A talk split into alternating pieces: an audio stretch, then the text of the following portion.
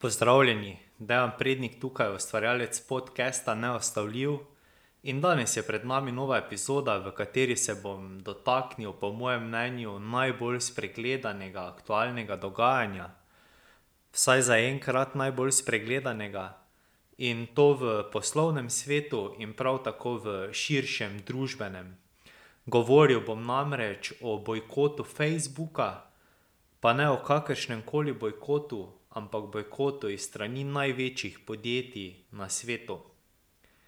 Preden pa skočimo v novo epizodo, pa intro, tako da imaš priložnost, da se naročiš na podcast, če še nisi, pritisni tipko subscribe zdaj, mi pa gremo, kaj pomeni neustavljiv za vas.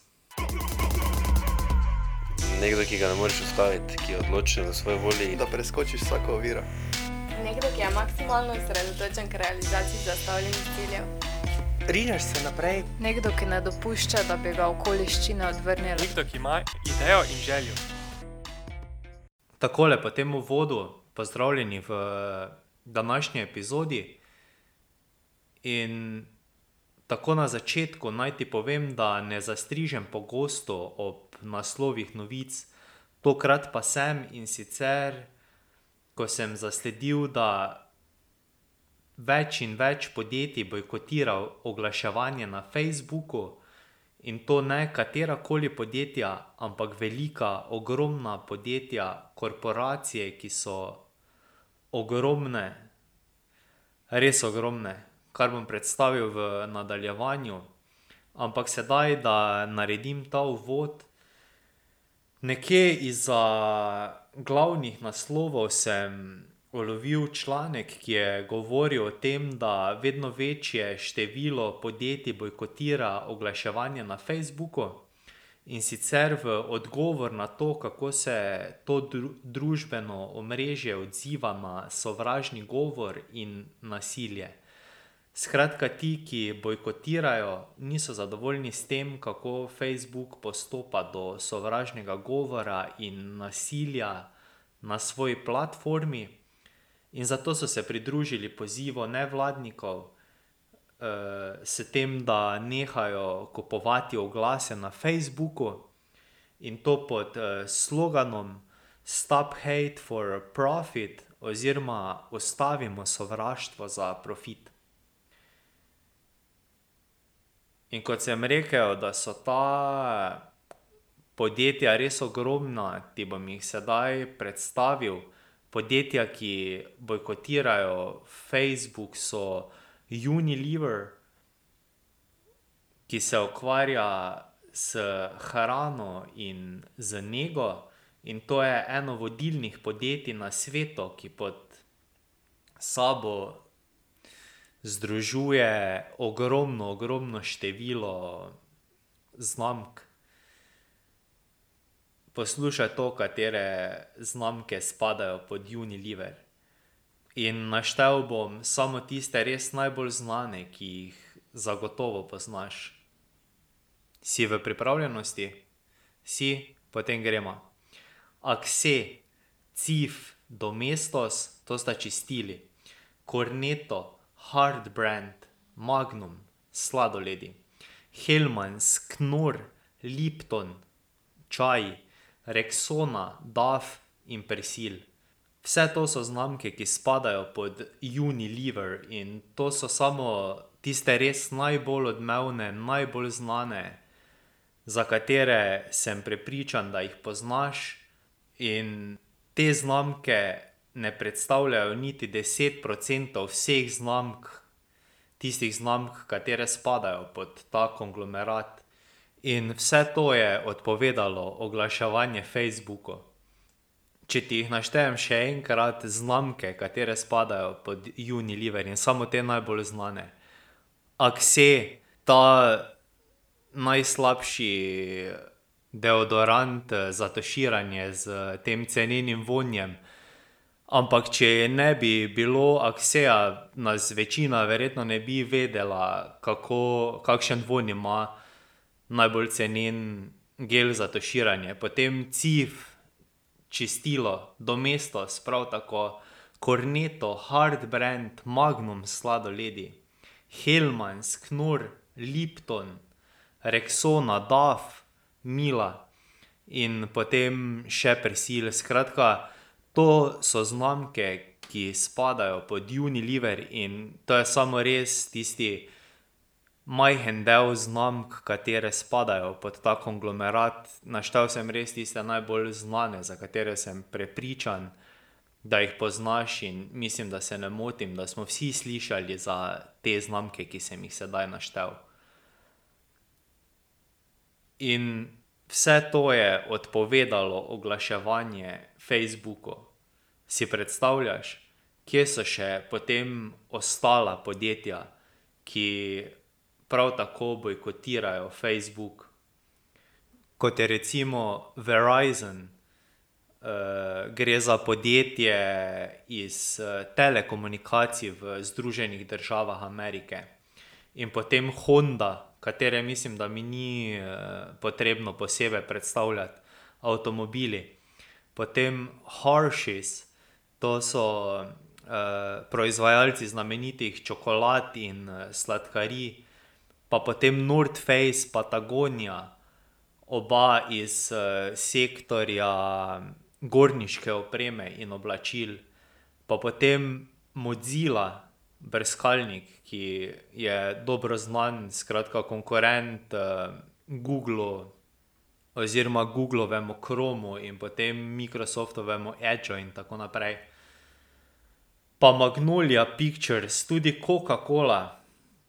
Coca-Cola sicer je rekla, da samo začasno ukinja, tako kot tudi nekaj naslednjih znamk, ki jih bom naštel, ker temu bojkotu so se pridružile tudi Coffee cat pa Starbucks, potem Ford, HP oziroma kako je že HP? Hewlett Packard, proizvajalec računalniške strojne opreme, in tudi Microsoft. Skratka, vse to so podjetja, ki so odpovedala oglaševanje Facebooku, in tudi izmed teh sem naštel samo najbolj znana in izstopajoča, drugače lista šteje sedaj že več kot sto podjetij. In vse to kot posledica pozivov nevladnih organizacij. Pa če še samo na hitro predstavim te nevladne organizacije, ki so sprožile ta poziv, to so ADL, potem National association for advancement of colored people in Color of change. Skratka, to so te nevladne organizacije, ki so sprožile ta bojkot. Njihov opis najdeš v opisu te epizode, kjer pa je priložena tudi povezava do tega, kako velik je Unilever, in potem tudi lista do vseh podjetij, ki bojkotirajo Facebook. No, sedaj v tem smislu pa nas bi seveda zanimalo tudi Facebookov odziv oziroma kako se je na vse to odzval Facebook. In trenutno še nič kaj konkretnega, na začetku še manj. V bistvu je bil njihov odgovor v tej smeri, da pravzaprav ta bojkot ne bo vplival na njihovo poslovanje, kar je odziv bolj tako tako, predvsem nakazuje na to, da nikakor niso bili pripravljeni na takšno situacijo. To je v prvi vrsti. V drugi vrsti pa na to, da se lotevajo reševanja problematike bolj tako, kot da bi, ko pride do požara, le-tega gasili tako, da bi se pretvarjali, da pravzaprav ne obstaja. Ampak glede na to, da gre za res masovni bojkot in da so tukaj vpleteni dejansko svetovni giganti, je to relativno hitro spametovalo tudi Facebook, spametovalo čez vikend. saj so delnice padle kar za sedem procentov. Ustanovitelj Facebooka Mark Zuckerberg pa je čez ta vikend izgubil sedem milijard dolarjev. Tako da so začeli ponujati rešitve. In te rešitve pa so tako, no, bolj ohole, vsaj sedaj na začetku, ker je bil njihov odziv v tem smislu, da bodo še vedno omogočali širjenje vsebin, ampak da bojo le-te opremljene z opozorilom tistega, ki pač širi objavo, da takšna vsebina lahko krši njihove pogoje uporabe. Precej plastično, glede na razsežnost pritiska, ki se vrši na njih. Tako da v tem okviru bodo še zagotovo spremembe in njihove rešitve se bodo zagotovo še spreminjale in nadgrajevale in predvsem bodo šle v bolj striktno smer. Ker konec koncev od tega denarja je Facebook odvisen. Kar bomo spoznali v nadaljevanju. Sedaj pa se dajmo posvetiti razlogu, dajmo se posvetiti razlogu za ta bojkot, torej zakaj, zakaj se dogaja bojkot Facebooka iz strani največjih podjetij. Kaj je razlog? Pravijo, da rasizem, ampak ali je res glavni razlog? Težko verjetno, čeprav se na Twitterju pod mojo objavo na to temo odzval Edvard Kadič, ki ga cenim in jemljem kot, jemljem ga kot kredibilnega, ko poda svoje mnenje, ampak v tem primeru se ne morem strinjati z njim, ko pravi, da je tveganje pred obtožbami ekstremistov preveliko.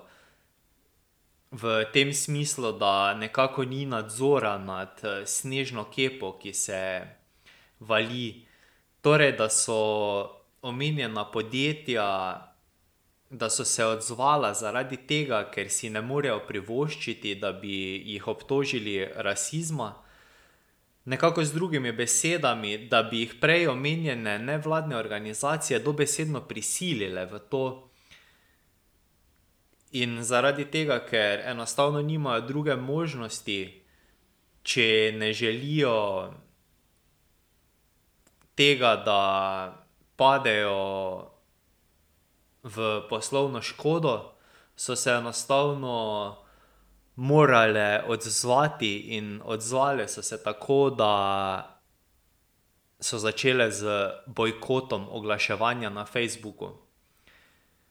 Lahko bi razlagali v tej smeri, ampak ne v tem primeru, kjer se kopja precej bolj obračajo v Facebook kot pa v rasizem. Pravzaprav je v celotni zgodbi rasizem zgolj sredstvo ali pa v najboljšem primeru tisti sprožilec obračuna s Facebookom. Kar je precej žalostno, ampak resnica je, kakršna je, in njen namen ni, da je lepa. No, in v tem primeru je rasizem žal na stranskem tiru. Je zgolj sredstvo za doseganje cilja.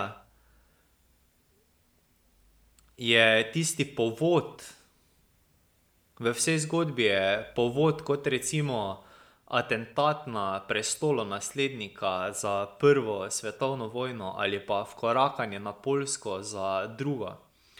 Skratka, zgolj sredstvo, kar pa je za problematiko slabo. Pri takšnem izkoriščanju, kjer sredstvo v resnici ni pomembno in se zavrže kot potrošni material, kjer ostane na stranskem tiru.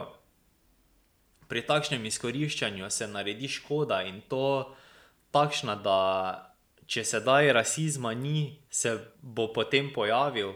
Torej, če je prisoten že sedaj, se bo njegova prisotnost pri takšnem izkoriščanju samo še poslabšala. in da gre res za izkoriščanje problematike, nam pa pokaže že enostaven in logičen pregled.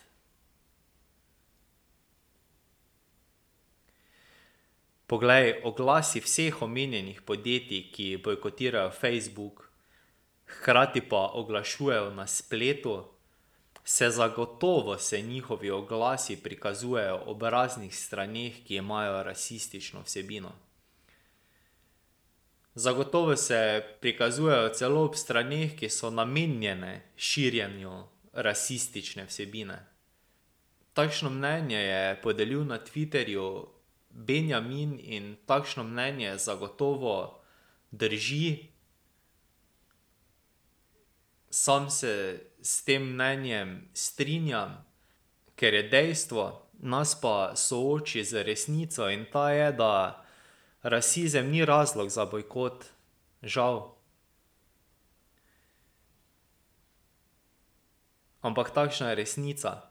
In resnica nam da izhodišče, da kopljemo naprej, da kopljemo do tega, kaj je tisti pravi razlog za bojkot, in to bomo v nadaljevanju tudi počeli. Preden pa nadaljujem, pa naj te povabim, da se mi pridružiš na Twitterju. Hej, za trenutek bomo nazaj, ampak naj izkoristim in te povabim na Twitter, kjer komentiram aktualno dogajanje iz politike in posla. Kaj dogaja? Preveri Ahmadejan Prednik in seveda hashtag neustavljiv na Twitterju. Takole, to je bilo povabilo, da se mi pridružiš na Twitterju, kjer sem še najbolj aktiven izmed družbenih omrežij in kjer delim svoje mnenje in poglede. Tukaj pa se ukvarjamo z bojkotom Facebooka iz strani največjih podjetij na svetu. In prišli smo do tega, da smo ugotovili, da rasizem zagotovo ni razlog za bojkot, ampak kaj pa potem je, kaj je potem tisti razlog? Prva stvar, na katero sem pomislil, je vojna titanov. In zato sem se šel analizo delničarjev. Preden pa nadaljujem, pa naj tukaj podam eno mnenje, ki tukaj pride v ospredje, in to je delo novinarjev oziroma to, da je njihovo delo pravzaprav nevredno naziva novinarji. Na to opozarjam že kar nekaj časa.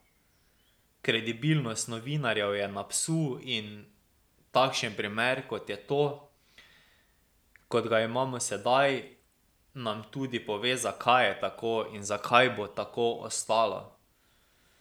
Zelo težko je priti do oseb, ki so za podjetji, mislim do imen in priimkov, ki so za raznimi fondi in skladi in tako naprej.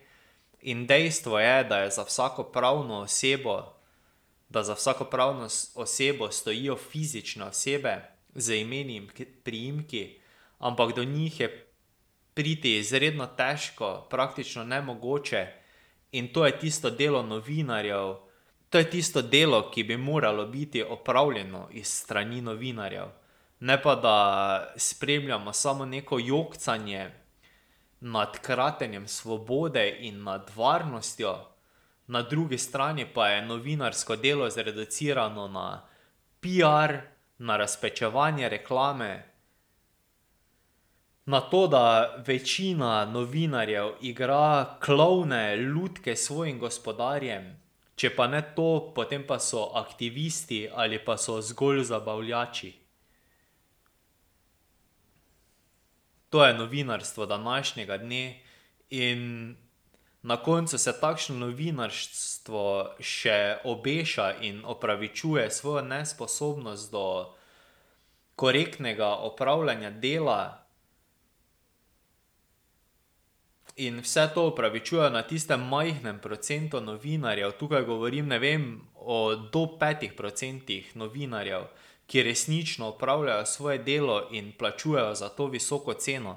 In nemalokrat to ceno plačujejo tudi iz strani diskreditiranja svojih nesposobnih kolegov, Torej, iz tiste strani klovnov, zaba- zabavljačev in aktivistov, ki sem jih omenil prej. To ti govorim zato, ker ko sem raziskoval ozadje teh podjetij, nisem prišel do konkretnih oseb, pa bi, če bi bilo novinarsko delo opravljeno, kot se spodobi. Kakorkoli, tega ozadja sem se lotil v prvi vrsti zato, ker sem pomislil na politično vojno, na vojno za prevlado in sem šel preverit, če je kaj na tem. Sicer nisem odkril nič konkretnega, je pa res tudi, da sem preletel strukture zgolj površinsko. Odkril sem sicer, da se določeni skladi in fondi pojavljajo skozi vsa podjetja, do konkretnih oseb za temi skladi pa mi ni uspelo priti. Dokopal sem se zgolj do Marka Cubana, in sicer pri Magnolia Pictures. Magnolia Pictures spada pod mrežo Twenty nine twenty nine, katere solastnik je Mark Cuban. Mark Cuban je milijarder, ki je to postal v dotcom balonu. Prodal je neki krep Yahooju, takratni direktor Yahooja, sam glede tega posla, sicer ne dobesedno, ampak nekje zadaj zakamuflirano to povedal, ko je dejal, da je bilo v tistem obdobju narejenih precej napak in zaključenih ogromno neperspektivnih poslov. No, drugače pa je danes Mark Cuban precej priljubljen, poznamo pa ga tudi kot lastnika Dallas Mavericks.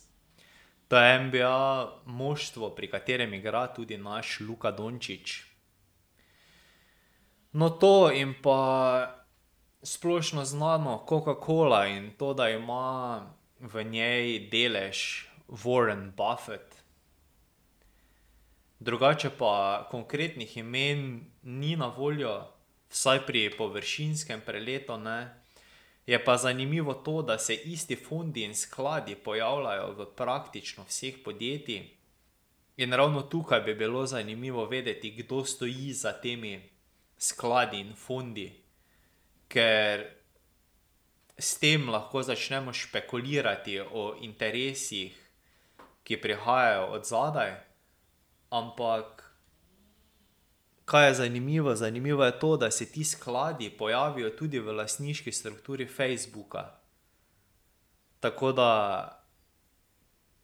lahko to tezo ovržemo, vsaj površinsko, kar je pa dovolj, da gremo naprej, naprej z našo analizo in naprej s špekuliranjem o tem, zakaj prihaja do tako množičnega bojkota Facebooka iz strani največjih podjetij na svetu.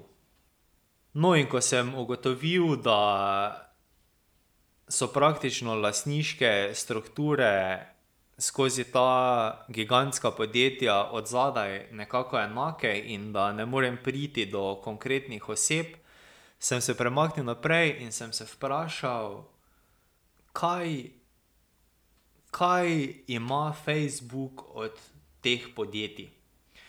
In odgovor na to vprašanje je sila preprost. Facebook od teh podjetij dobiva denar, ta denar pa mu omogoča poslovanje, torej delovanje. Kajti Facebook je za uporabnika brezplačna platforma, pa pustimo sedaj tukaj na strani, da če je nekaj brezplačno, potem je produkt uporabnik, kar nedvomno drži. Ampak če je na Facebooku uporabnik produkt, potem uporabnik za Facebook predstavlja kri, krvni obtok, ta podjetja, ki pa oglašujejo na njem in mu dajejo denar, pa zrak, ki ga diha, da lahko živi. Tako da iz tega, iz tega izvemo, zakaj so ta podjetja potrebna za Facebook. Na drugi strani pa se potem seveda poraja vprašanje, kaj pa imajo ta podjetja od Facebooka. Torej, kaj je tista stvar, ki jo prinaša Facebook tem podjetjem, ki ga sedaj bojkotirajo? In to je dostop do kupcev. Ampak kakšen je ta dostop, to je bolj zanimivo. Ker ta dostop do kupcev je pa iz vidika teh podjetij posreden.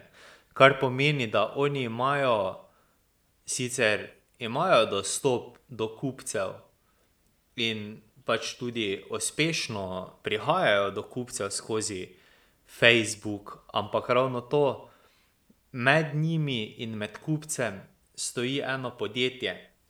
In to podjetje je Facebook, kar pa je lahko dovolj dober razlog za to, da se napade Facebook, da se ga na neki način prisili v to, da odpre vrata ostalim. Da, da jim da dostop do te enormne baze podatkov. Ker Facebook nedvomno poseduje največjo in najbolj personalizirano bazo podatkov praktično nas, Zemljanov. Glede na to, da ima dva cela pet milijard mesečnih uporabnikov. Torej mesečno je na Facebooku aktivnih dva cela pet milijarde uporabnikov, kar pomeni, da je to praktično ena tretjina svetovnega prebivalstva. In to bi pa nedvomno lahko bil razlog za to, da se bojkotira Facebook. Veš, kaj mi prihaja v tem okviru vedno bolj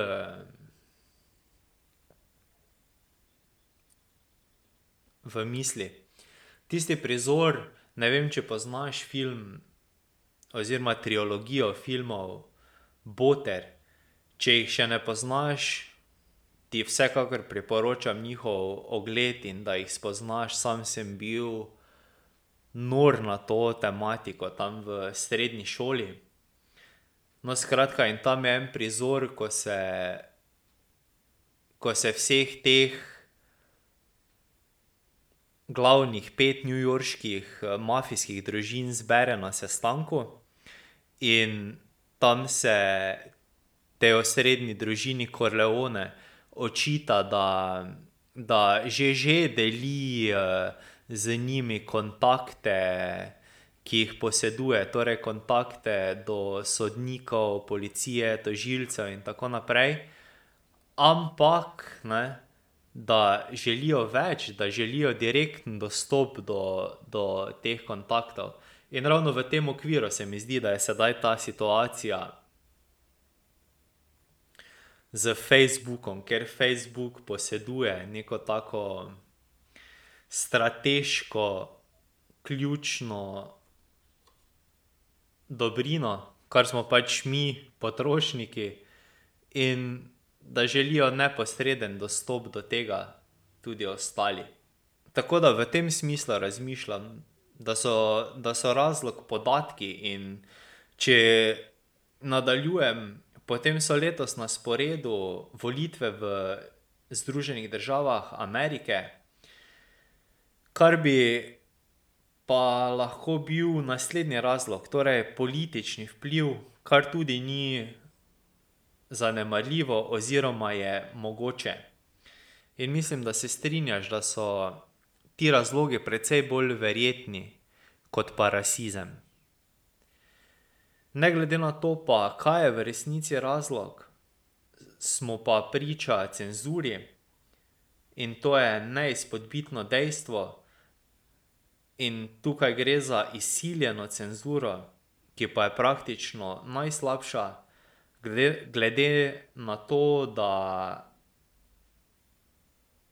se za izvrševanje oziroma za uresničevanje svoje agende izkorišča tako perečo temo, kot je rasizem, gre pravzaprav v celoti za zelo zavržno dejanje, ki za interese neke ozke skupine izkorišča in pušča posledice na celotni družbi. Nagražno.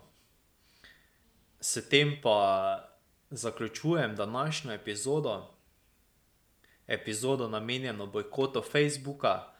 Ob tem pa apeliram nate, da uporabiš zdrav razum in kmečko logiko, ki jo v tem ponorelem svetu vse bolj in bolj potrebujemo.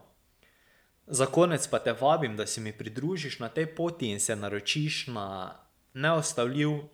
To storiš tako, da mi pustiš mail na listi za obveščanje, povezavo do tja pa najdeš v opisu te epizode.